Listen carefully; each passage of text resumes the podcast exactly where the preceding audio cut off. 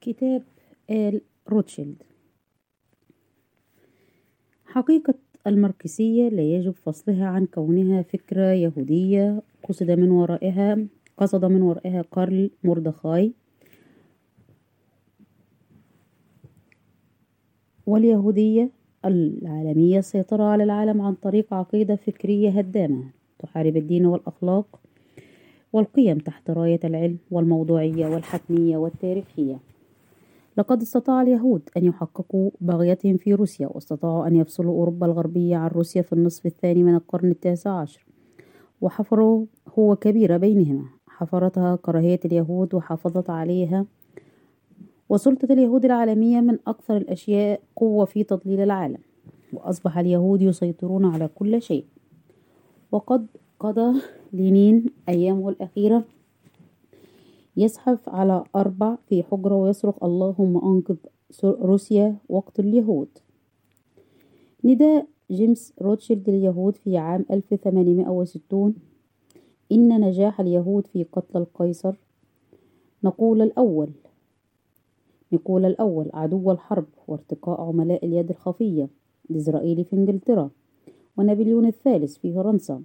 وبسمارك في ألمانيا. ومازيني في إيطاليا. إلى سادة إلى سدة الزعامة. شجع جيمس روتشيلد الثالث على محاولة الثورة الأمريكية التي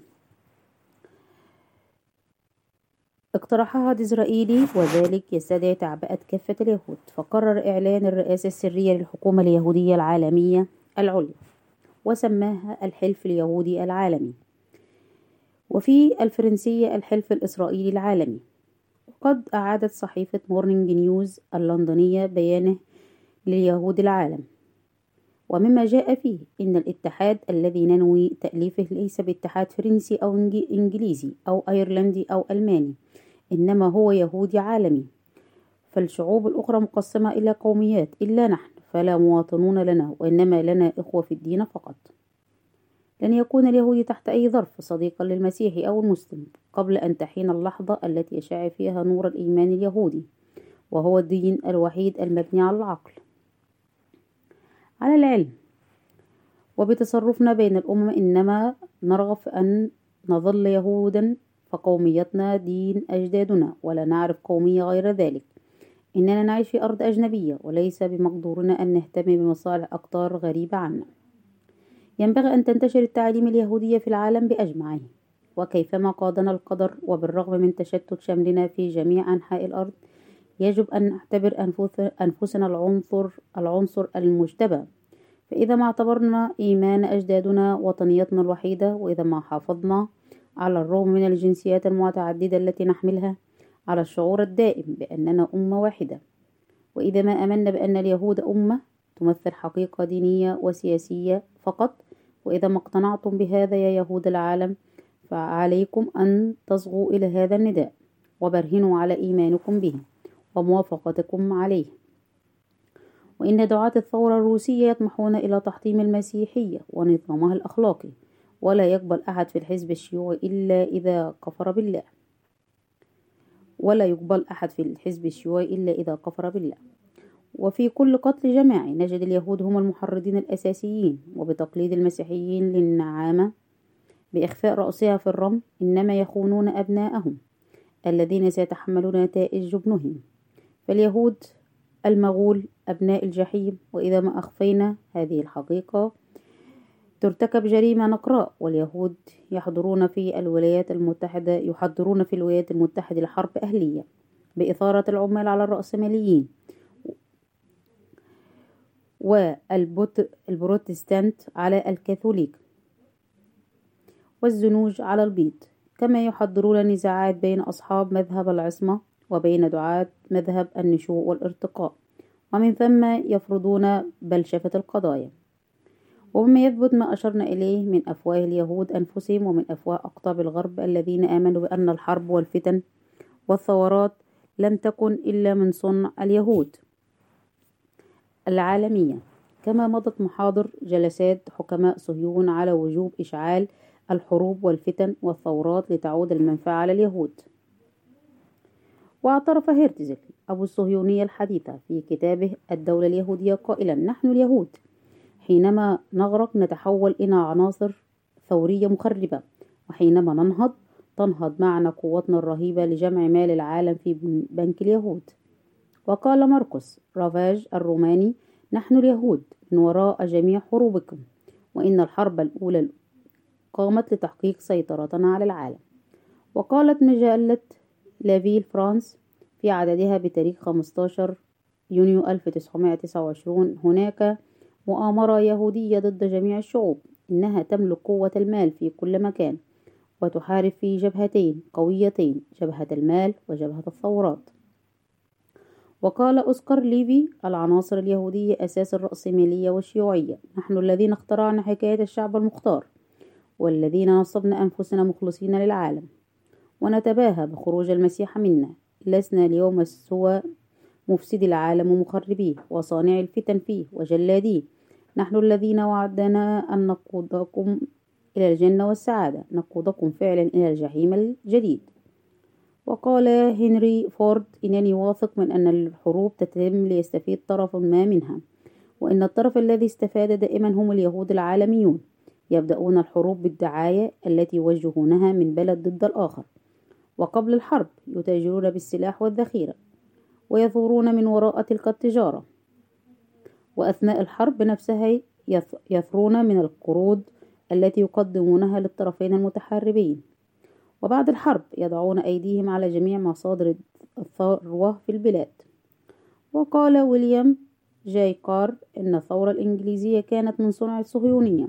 وأما الحرب العالمية الثانية فقد رسم فقد رسم مخططها على أساس أن تنشب نتيجة النزاع الذي يثور بين الصهيونية السياسية والعالم الإسلامي.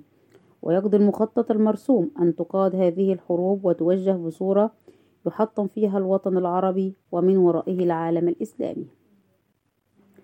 كما تحدث المؤلف عن الدور الذي لعبته اليد الخفية في توصيل نابليون بونابرت إلى القمة وكيف قامت تلك القوى بتمويل حملات نابليون لتدمير الدول المحيطة بفرنسا. كما تحدث أيضا عن التاريخ الخفي للتغلغل اليهودي في أمريكا وكيف استطاعوا السيطرة على الاقتصاد الأمريكي بالسيطرة على بنك إنجلترا. وكيف أن أرباب المال العالميين خططوا لاغتيال الرئيس الأمريكي بنجامين فرانكلين حينما فضح أهدافهم ثم أحكموا سيطرتهم على الاقتصاد الأمريكي إلى اليوم. ويقول المؤلف إنه بعد الحرب العالمية الثانية أضحت الكرة الأرضية كرقعة الشطرنج عليها قطع من إيناس يتخيلون أنفسهم زعماء وقادة دول كبرى وكانت اليد الخفية تحرك ستالين وتشرشل وروزفلت حتى اشتعلت الحرب. وانتهت وتحطمت النازية. وأنشئت إسرائيل وبدأ السباق الرهيب فلم تنتهي الحرب بحكم الصراعات الدائرة. على الأرض بقدر ما فتحت مجالات أخرى للصراع تكمن في نهايتها الحركة الأخيرة في لعبة الشطرنج الدولية. وفي خطة سياسية أيديولوجية عنصرية يهودية وضعها الحاخام اليهودي عام نويل رابينوفيتش وناقشها حاخامات اليهود في قارة أوروبا. وفي اجتماع سري في بودابست في بولندا عام 1954 تسربت أخباره إلى الصحافة. تم التأكيد من الحاخامات اليهود المجتمعين على جملة من الأهداف الصهيونية الأساسية بإشعال حرب عالمية ثالثة وتحقيق الأهداف اليهودية ومن أبرزها إشعال نيران حرب عالمية ثالثة وتحريض الولايات المتحدة تحريض الولايات المتحدة ضد الاتحاد السوفيتي. واعتبار زعماء الدولتين مجرمي حرب. والقضاء على الأجناس الأخرى غير الإسرائيلية.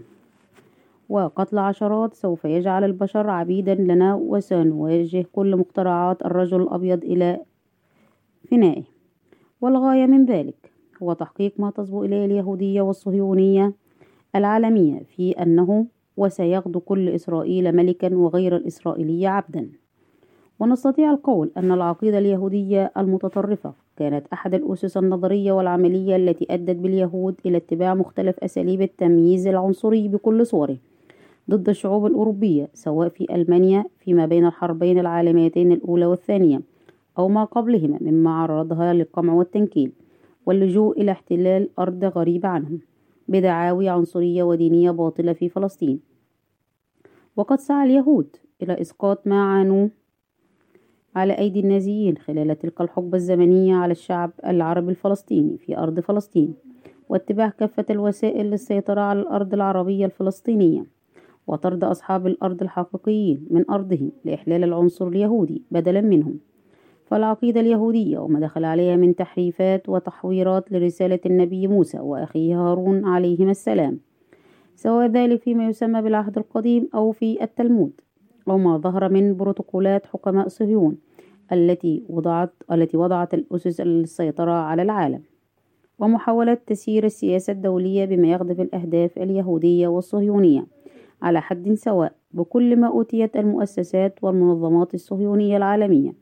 من نفوذ وقوة مالية وإعلامية وسياسية وغيرها وتنفيذ ما جاء في كتاب دولة اليهود ليوتودور هيرتزل عام 1896 لإقامة دولة اليهود في أي مكان يرتئيه اليهود لهم في آسيا أو أفريقيا أو أمريكا الجنوبية. مستخدمة أخبث الطرق للوصول لأهدافها التي أبدتها أو تلك المكتومة التي أخفتها السياسة اليهودية. الصهيونية عمدا سواء كان هذا الآخر أوروبيا أو أسيويا أو أمريكيا مسلما أو مسيحيا أو عربيا فلسطينيا. ومن بين الحروب التي أشعلها اليهود بناء على رغبة مرابيهم من أباطرة المال الأوروبيين يتقدمهم ويقودهم بالطبع. آل روتشيلد كما يثبت التاريخ الحرب الأهلية الأمريكية. كما أن هناك اتهامات وجهت لهم بالتخطيط لاغتيال الرئيس إبراهام لينكولن وهناك دراسات وتحليلات وحتى كتب حاولت الإجابات على سؤالين كبيرين وكانت إجابتهما اليهود بزعامة آل روتشيلد والسؤالين هما من الذي صنع الحرب الأهلية الأمريكية؟ والثاني ومن الذي قتل بطل الولايات المتحدة وقديسها القومي إبراهام لينكولن يقول الكاتب المارق الكونت آرثر شيريب سبريدوفيتش الذي قتله قلمه البارق في كتابه حكومة العالم الخفية. إن بسمارك يعلم الحقيقة وصرح بها سنة 1876 لكونراد سيم الذي قام بنشرها. قال بسمارك إن تقسيم الولايات المتحدة إلى دولتين فيدراليتين متساويتين في القوة. قررته القوى المالية الكبرى في أوروبا. قبل الحرب الأهلية. فقد تخوف أصحاب المصارف الأوروبيون إن بقيت الولايات المتحدة أمة واحدة وحصلت على استقلالها الاقتصادي والمالي من أن تقلب سيطرتهم المالية العالم رأسا على عقب. وسيطر صوت الروتشيلدين الذين تنبأوا بغنائم كثيرة إذا ما استطاعوا إحلال ديمقراطيتين ضعيفتين معتمدتين على المال اليهودي ما كان الجمهورية الواحدة القومية. الواثقة من نفسها المكتفية بذاتها. بدأوا بإرسال مبعوثين لاستغلال موضوع العبيد وحفر هوة سحيقة بين جزئي الجمهورية. ولم يشك لينكولن مطلقا في هذا التنظيم السري فهو ضد الرق وانتخب لأجل ذلك. بيد أن شخصيته منعته من أن يكون رجل حزب واحد.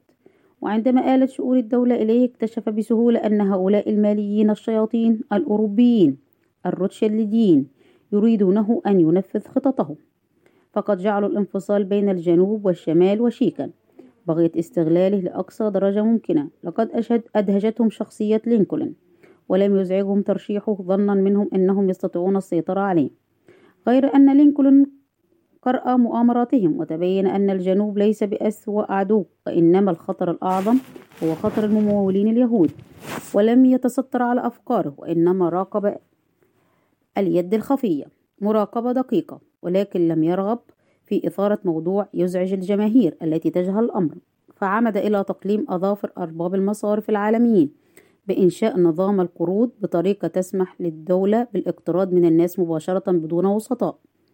لم يكن لينكولن متخصصا بالقضايا المالية غير أن حدثه الصافي كشف له أن مصادر أي ثروة تكمن في عمل الأمة ونظام اقتصادها.